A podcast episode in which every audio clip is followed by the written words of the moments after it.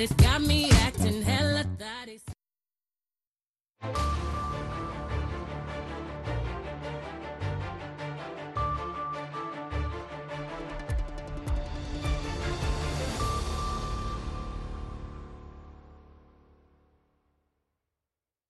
halkani waa washington laanta afka soomaaliga ee v o a oo aad ka dhageysanaysaan mawjadaha gaagaaban efmida geeska afrika iyo caalamka oo dhan oo aad nagala socotaan v o a somaly com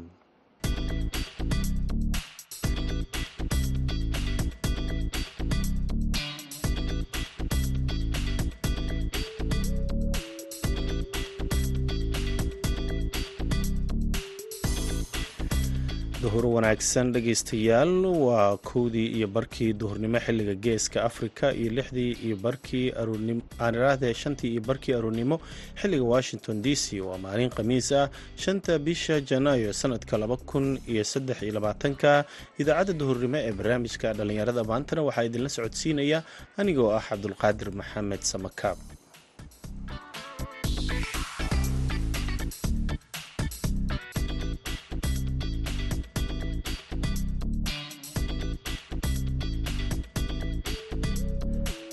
qodobada aad ku dhegaysan doontaan idaacaddeenna duhurnimo. Waxaa ka mid ah dhallinyaro hal abuuro ganacsi ka hirgeliyey dhadhaab si ay shaqola'aanta uga baxaan. Marka waxaan abaabulnay ama isku daynay inaan la imaano halabuur halabuurkaas oo ah inaan bilowno ganacsi ama business. Businesskaas ay magaciisu yahay dalxiis coloring oo ku yaalla xarada qaxootiga dhagaxley. Waxaan aasaasnay gruubkan ama businesskan. Bishii tobnaad sanadii labada kun iyo labaatanki ayaan aasaasnay waxaa kalood maqli doontaan dhallinyaro isxilqaamay oo gargaar dawo ah gaarsiiyey dadkii wax ku noqday shaqaaqada ka dhacday laascaanood waxaa kaloo idin barnaamijka qayb ka ah kaalmihii heesaha iyo weliba ciyaaraha balse intaasoo dhan waxaa ka horreeya warkii dunida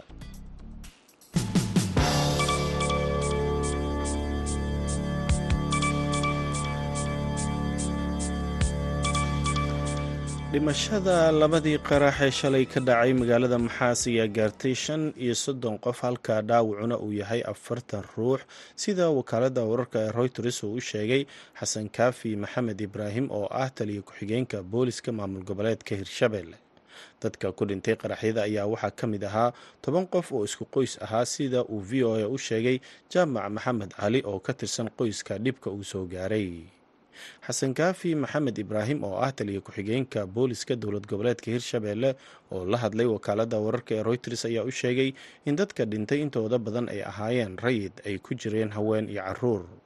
Weerarkii ka dhacay degmada maxaas ayaa ahaa kii ugu dambeeyey ay maleeshiyada al-shabaab qaado tan iyo markii ay ciidamada dowladda iyo maleeshiya beeleedka huwanta ah ay sannadkii hore bilaabeen inay al-shabaab ka saaraan dhul ay muddo dheer gacanta ku hayeen al-shabaab ayaa sheegatay mas'uuliyadda qaraxyada. Sanadkii hore ayaa ciidamada dowladda federaalka iyo kuwa deegaanka ee macawisleyda oo taageero ka helaya ciidamada maraykanka iyo kuwa midooda afrika ay al-shabaab ka saareen degmada maxaas ee gobolka hiiraan.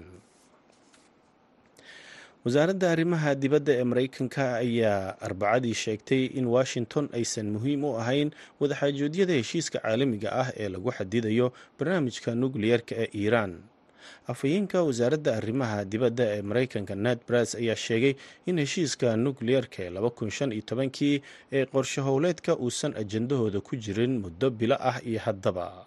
Maraykanka ayaa horey uga baxay heshiiska sannadkii laba kun siddeed iyo tobankii markaas oo uu madax ka ahaa donald trump isagoo ku dooday in heshiiska uu ahaa mid u danaynaya iiraan wuxuuna ku soo rogay cunuqabatayn cusub iiraan ayaa ku jawaabtay waxaana ay sheegtay inay ka baxday ballamihii ay gashay ee heshiiska kaasoo lagu xalinayay walwalka laga qabo inay ka shaqayso horumarinta hubkeeda nukliyeerka dhegeystayaal wararkeenii dunidana waa naga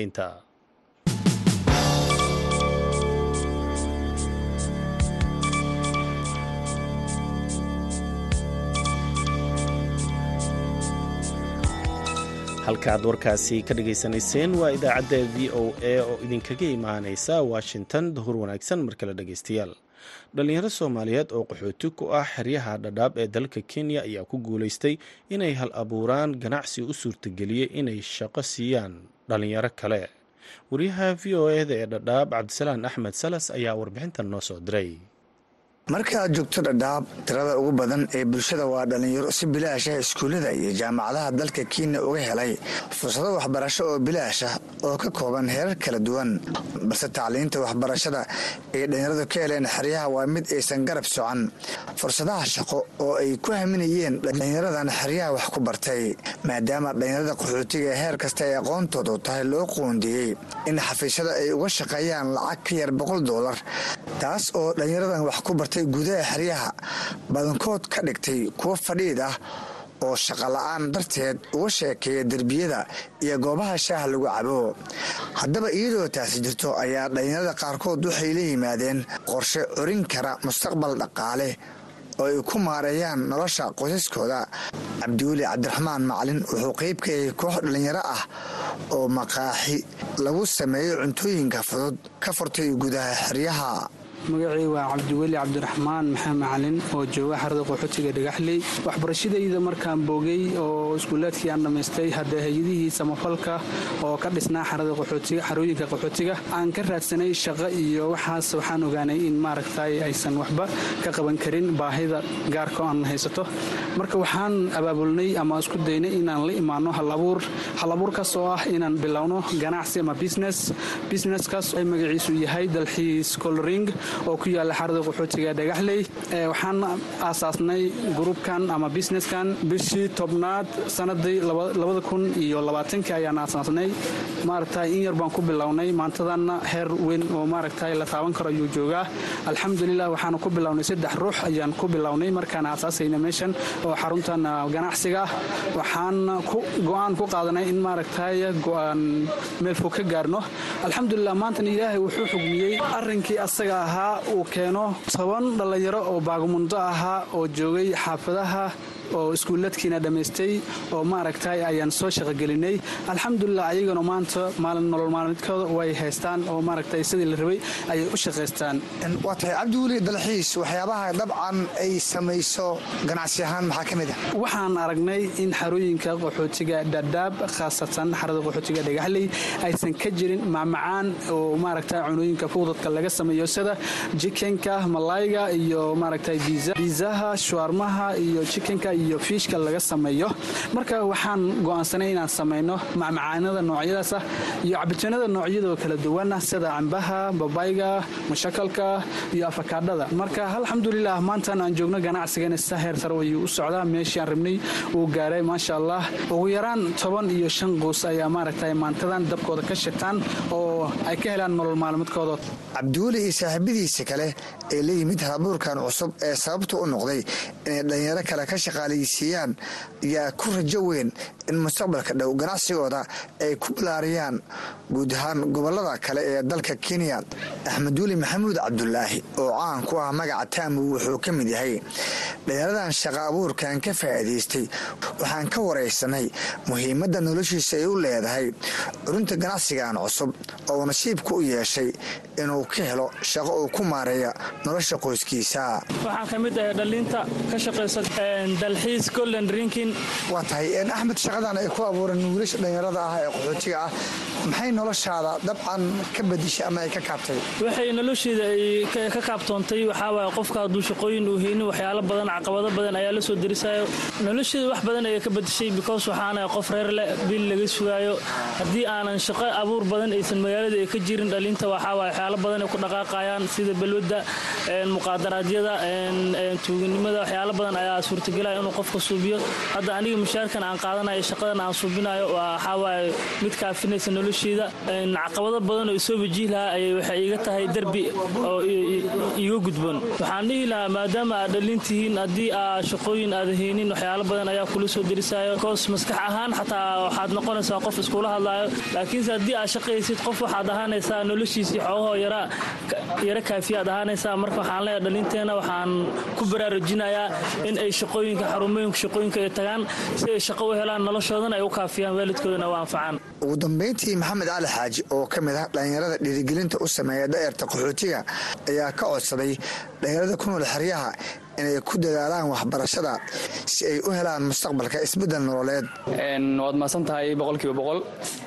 Markaan ka faa'idaysto arrinkan anigoo ugu faa'iidaysanaya inaan wax u sheego dhallinyarta hadda soo kacayso iyo kuwa nolosha ka dhacay. Inkastoo ay jiraan dhallinyar oo guulisteen oo shaqooyin abuurteen waxaa jira boqolaal kale oo nolosha ka dhacay oo isticmaalaan daroogooyin maandooriyaal waxyaala la mid ah kuwaasoo ku sababayso inay noloshooda dhib u keensaan ama bulshaweynta soomaaliyeed ay dhib u keensaan waxaan ugu baaqayaa dhallinyartaas inaysa dhiibin ee nolosha ka dhicin ay haastaan fursadooyin sida inay waxbarashadii dib ugu soo laabtaan inay raadsadaan meelooyin ay ku maareen karaan nafsadooda ay raadsadaan meelo goobo waxbarasho wacyigelinta ay ka helaan taasoo sababayso inay maankooda iyo ay nafsadooda anfacaan iyo bulshadooyinta anfacaan. Si mustaqbalka loo helo bulshawada guulaysatay oo horumar wada gaartay. Cabdisalaan salas v o a xeryaha dhadhaab markana waxaad ku soo dhowaataan kaalmihii heesaha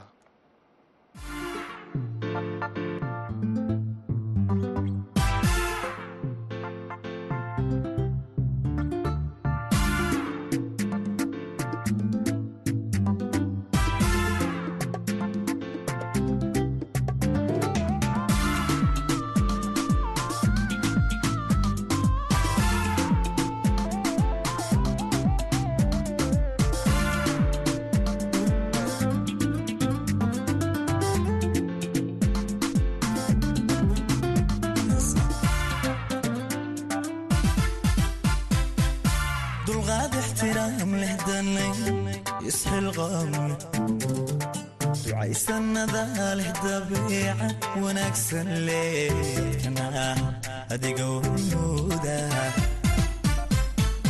dulqaad ixtiraam leh danay isxilqaamne ducaysanada leh dabiicada wanaagsan lee dadkana adiga waynuuda hormooda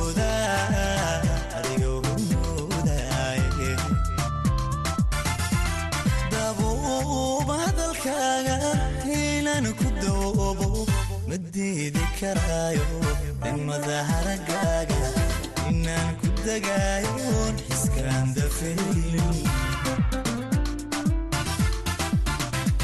dabuuba hadalkaaga inaan ku dawoobo ma diidi karaayo daymada haragaaga inaan ku dagaayoon xiskaan dadaala isdareensan dadka iska doortay daryeel dadaala midaynay damiir isfahmaya ayaa isdareensan dadkana iska doortay. Ayaa isdareensan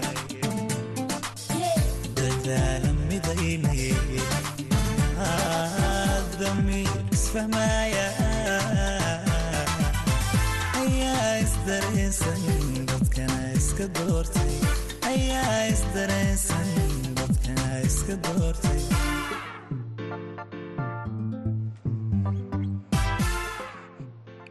intaasaan ku dhaafna heestaasi uu ku luqeeyo guuled simba dhallinyaro iskaashatay ayaa magaalada boosaaso ka sameeyey ololo ay ku caawinayaan shacabka magaalada lascaanood kadib shaqaaqadii ka dhacday halkaasi.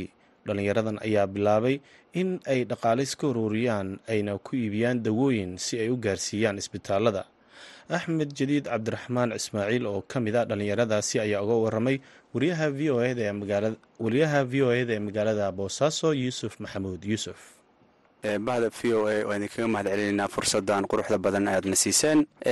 Run ahaantii yuusufow run ahaantii shaqaaqadaasu dhibaatadaasu markay bilaamatay annaga boosaaso ka dhallinyaro ahaan dhallinyarada gobolka guud ahaan gaar ahaan magaalada boosaaso waxaanu bilownay olole bal wixii tabarah iyo taaga waanu waxaweye arrintaas ka geysan karno waanu ku caawiyi karno walaalaha dhiban dagaalku iyo dhibaatada ay ku socoto. Waxaanu isweydiinay dowrka iyo kaalinta aanu ka qaadan karno. Waxaanu xiriir joogto ah mar walba aan la sameynaynay isbitaalada iyo xarumaha caafimaadka ee magaalada laascaanood gaar ahaan isbitaalka weyn iyo isbitaalka manhal oo isaga inta badan la keenayey dadka dhaawacyada culus qaba iyo qaliimada degdega ah lagu sameynayey. Waxaanu sameynay oonu ku dhaqaaqnay gruub whatsapp group whatsapp groupkaasaanu ka wada xiriiraynay sidoo kalena waxaweye shaqada inta badan aanu ka wadnay sidaas ayuu qorsho ahaa yuusufow way axmed waan kuu mahad celinayaa bal waxaad iga warataa ololahan iyo sidaa u bilowdeen yuusufow runtii ololahan waxaanu bilownay asbuucan hadda maanta ay arbacada marayso.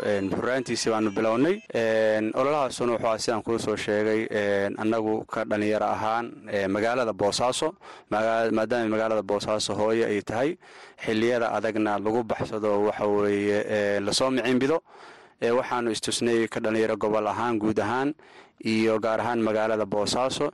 Iyo cid alla cid allaale ciddii waxawe fikirka nala qaadanaysa kadib marka hore waxaanu sameynaynay dhalinyarada fikirka waan ka iibinaynay oo waanu u sheegaynay qorshaha inaan damacsannahay. Qof kastoo marka fikirkaas nala qaata waxa weye whatsapp groupkaas waanu ku soo daraynay shaqada halkaasaanu ka bilownay inagu waxaweye doorkeena kaalinta dhalinyarada kaalin muuqata inay ahaato oo dadka walaalaha dhibaataysan ee dhibku iyo ku habsaday inaanu waxa taageero iyo weliba naf iyo maxaanku yidhaahdaa taageero muuqata inaan u muujinno taas ujeedkayga kaasuu ahaa asbuuca kan bilowgiisii ayaanu bilownay qorshahaas.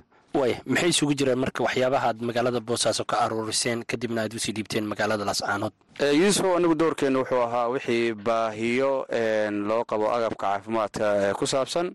Alxamdulilah ilaahay mahadii asbuuca kan gudihiisa laba jeer ayaan waxa weeye daawo dirnay halkan aga caafimaad oo markaas liis noola soo gudbiyey isbitaalladu ay noo soo gudbiyeen oo markaa deg deg loogu baahnaa ayaan halkan ka dirnay. Maalintii axaddi la soo dhaafay halkan waxaanu ka dirnay daawo isugu jidhay daawo markaas loo baahnaa. Rule gowska stril gloviska stril gowska nska kaanoolaha labaiyo labaatan afariyo labaatan sideed iyo toban blood bangiska laba boqol konton milimitr iyo shan boqol milimitr sidoo kale laba maalin ka hor maalin ka hor halkan waxaan ka dirnay liiskii ama wejigii labaad daawadii dalabka waxaweye noolagu soo diray deg dega markaa loogu baahnaa waxaanu dirnay balas oxmitris jestitubis exry filmis color bonis bandageski nomar slinkii iyo faragjaris stabilizin splintreski waxyaabahaas oo dhan waanu dirnay insha allah haddana waxaa noo qorshaysan wejigii saddexaad inaanu mar dhow aanu bilowno. Ololahan waa ololo ku socda qaab isxilqaama walaalaha dhalinyarada ee firfircoon ee magaalada. Awal magaalo qorsheen waxaa magaalada boosaaso balse markaan social mediaha qorshahaanu ku baahinay walaalo badanoo waxaweye dalka dibadiisa ee kala jooga magaalooyin kala duwan. Sidoo kalena waxaweye wadamo badan oo dibadda ee kala jooga ayaa nagula soo biiray. Waanu macdalinaynaa dhalinyaradii sida waxaweye xooga furan sida isxilqaamka ku jiro sida walaaltinimadu iyo damiirku ku jiro isxilqaamkan nagala qayb qaatay qorshahan. Aad baan ugu macdalinaynaa run ahaantii walaalaha laascaanona mar waan garab taagannahay. Waa dad walaalaheenna walaalaheen soomaaliyeed dhiig iyo dheecaan iyo dal iyo deegaanba aanu wadaagno. Insha allah annagana waxaanu ku dadaalaynaa wixii baahiya oo dhankaas maadaama dhankaa daawooyinka aan xoogga aan saarnay wixii baahiyo ah oo dhankaa daawooyinka nooga soo aado inaanan hagran insha allah walaalahaasu waxay noola mid yihiin. Hadda inta badan falastiin marka ay waxaweye cadowga yuhuudda ay gumaadayso dee waanu u ducaynaa xanuunka ay qabaanna waxaweye waa la qaadanaa sidaas ayaa la mid ah maadaama ayagana sidaasoo kale aan la qaadanaynaa. Si guud ahaan dee annagana soomaali waa walaaladaheena soomaaliya soomaaliya dal iyo deegaan iyo dhiig iyo dheecaan intaba waa naga dhexeeya waan u damqanaynaa oo u diirnaxaynaa xanuunkooda waa xanuunkeenna oo kale insha allah markasta annaga wixii nagaga soo aada waan garab taagannahay insha allah hiil iyo hooba wixii nooga soo aada waanu garab istaagaynaa waxaad dirteen daawooyin noocyadooda kala duwan oo aada loogu baahnaa sidaad sheegtay. Marka ma dhallinyaradiina si gaar ah uga qayb qaatay oo caawiyey dadkaasi. Mise waxaa jira qaar kale oo bulshada dhexdooda ah marka laga yidhaahdo dee xarumaha caafimaadka oo kale oo idinkala qayb qaatay. Yuusufow dadaalkan anagu ama shaqadan ama ololahan aan bilownay waa hadda wuxuu ku kooban yahay waa dhallinyarada. Wejigii kood iyo wejigii labaadba dhalinyaro aqoon-yahana. Sidoo kale dhalinyaro firfircoon oo ruuxawirarga magaalada aadka dhalinyaro uga dhex muuqda ah gabdho iyo wiilalba isugu jira. Shaqada insha allah waxaan rajaynaynaa wejiga saddexaad inaanu waxaweye hadda anagu shaqada annaga nagu kooban tahay ka dhalinyaro ahaan. Laakiin waxaan rajaynaynaa wejiga saddexaad wixii shirkadaha bangiyada maadaama uu dalabaadku dadka dhaawacyadu ay badan yihiin. Mar kastana waxaweye daawada baahida daawada ay jidho. Inaanu waxaweye markaan haddii wix awoodeenna ka bata inaanu shirkadaha iyo bangiyada iyo maxaanku yiraahdaa cid kastoo waxaweye caafimaadkaas qalabkaas ama agabka caafimaad cid kastoo aan marka aan ka heli karno inaanu u raadsano qorsheheenu waa saas. Laakiin hadda aan kula hadlayo barnaamijkaas ama qorshahaas annaga ayaa fangareyneynay oo waxaweye si isxilqaama ilaahay ayaan waxaanu kaga raadinaynaa raalli ahaansho. Sidoo kalena khayr iyo wanaag iyo ajar kaga raadinaynaa. Sidoo kalena dadka walaalaheenna waxaan dowrkii dowrkii ay naga rabeen ama naga sugayeen inaan u buuxino waan rajeynaya insha allah rajaynaynaa. Wejiga saddexaadna isla biriba inaan bilaabnaan rabno haddii ilah yiraahdo kaasi waxa uu ahaa axmed jadiid cabdiraxmaan ismaaciil oo ku sugan boosaaso. Wuxuu u waramayey wariyaha v o eda yuusuf maxamuud yuusuf. Markana dhegeystayaal waxaad ku soo dhowaataan wararkii cayaaraha waxaa inoo haya maxamuud mascade oo jooga minnesota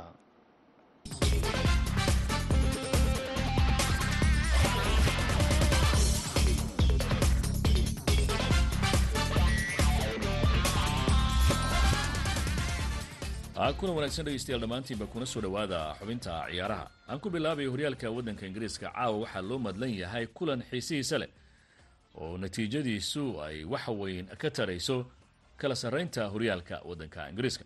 Labadan kooxood ee kubadda cagta ee chelsea iyo manchester city ayaa caawa ku ballansan gegida stanford bridge ee magaalada london.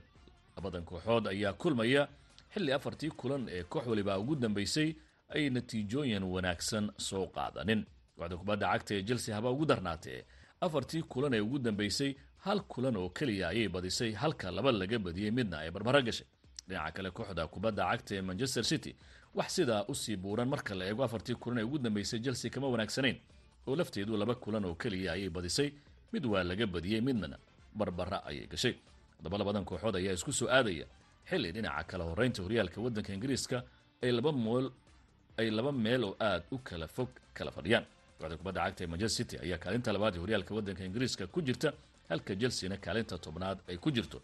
Guuldarooyinka iyo weliba xagaldaaca ay la kulantay kooxda kubadda cagta ee chelsea xilli ciyaareedkan ayaa loo aaneynayaa dhinaca maamulka iyo macalinka tan iyo markii uu milkilaha cusub iibsaday kooxda kubadda cagta ee chelsea waxay u muuqataa koox uu ka lumay hanaankii iyo qaabkii maamul ee muddada dheer uu kooxdan ku soo hagayay milkiilihii hore ee abramovich waxaana milkiilahan cusub ee u dhashay waddanka maraykanku u muuqdaa nin aqoontiisa dhinaca kubadda cagtu ay hooseyso marka la eego milkiilihii hore waana sababta in badan oo ah dadka ciyaaraha falanqeeya ay u arkaan chelsea in xilli ciyaareedkan iska daa inay meel wanaagsan gaartee ay ku adkaan doonto inay kaalinta afaraadii horyaalka dalkaasi soo buuxiso.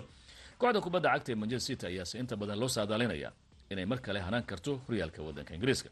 Kulanka caawa haddii ay guulaysato manchester city waxay ku soo dhowaanaysaa arsenaal oo shan dhibcood oo keliya markaa ka sara mari doonta laakiin haddii barbaro la geliyo ama laga adkaado waxaa lafteedu adkaan doonta manchester city xilli ciyaareedkan inay hogaanka horyaalka waddanka ingiriiska ku guulaysato. Inkastoo kooxdu xidigo aada u fara badan ay haysato oo saadaashuna ay tahay koobka in ay qaadi karto dhinaca waddanka talyaaniga haddii aan eego habeenkii xalina kooxda kubadda cagta ee inter milan ayaa guul wanaagsan ka qaadatay kooxda kubadda cagta ee napoli kadib markii hal gool iyo waxba lagu dharbaaxay kooxda kubadda cagta ee napoli waana guuldaradii ugu horreysay xilli ciyaareedkan soo gaarta kooxda kubadda cagta ee napoli. Guushan ay gaartay kooxda kubadda cagta ee inter milan ayaana kor u soo qaaday oo soo gelisay kaalinta afaraad ee horyaalka waddanka talyaaniga. Halka kooxda kubadda cagta ee napoli guuldaradii ku dhacday ee dhibco badan ka soo jartay islamarkaasina kooxda kubadda cagta ee similan ka dhigtay mid iyadu ku soo dhowaata kadib markii ay kulankeedii adkaatay oo haatan shan dhibic oo keliya ayaa laga sarreeya kooxda kubadda cagta ee ac milan. Waxaaga dhegeystayaal xubintana ciyaarahan inta ayaan ku soo gabagabeynaya tan iyo kulan dambe. Waa mascado idila sida iyo nabadgelyo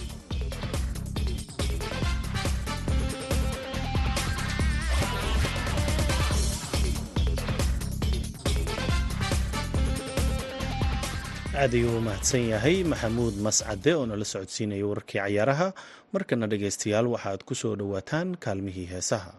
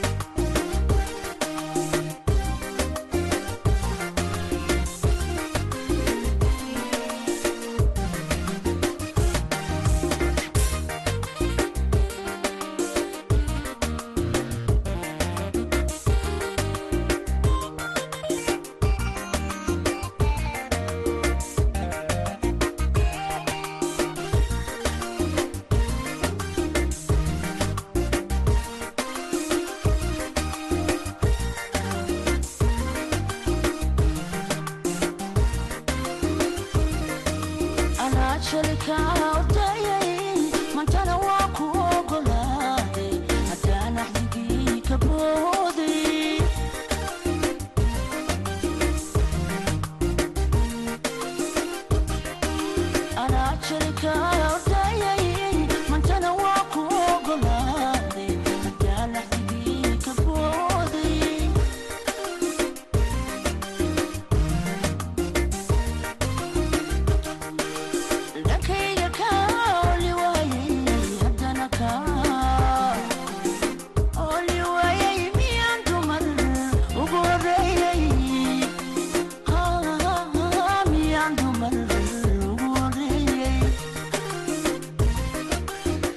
heestaas ayaa u dambeysay idaacaddeenii duhurnimo. Waxaa idinla socodsiinaya anigoo samakaab ah tan iyo kulanti dambe. Dhammaanteen waxaannu idinkaga tegaynaa sidaa iyo nabadgelyo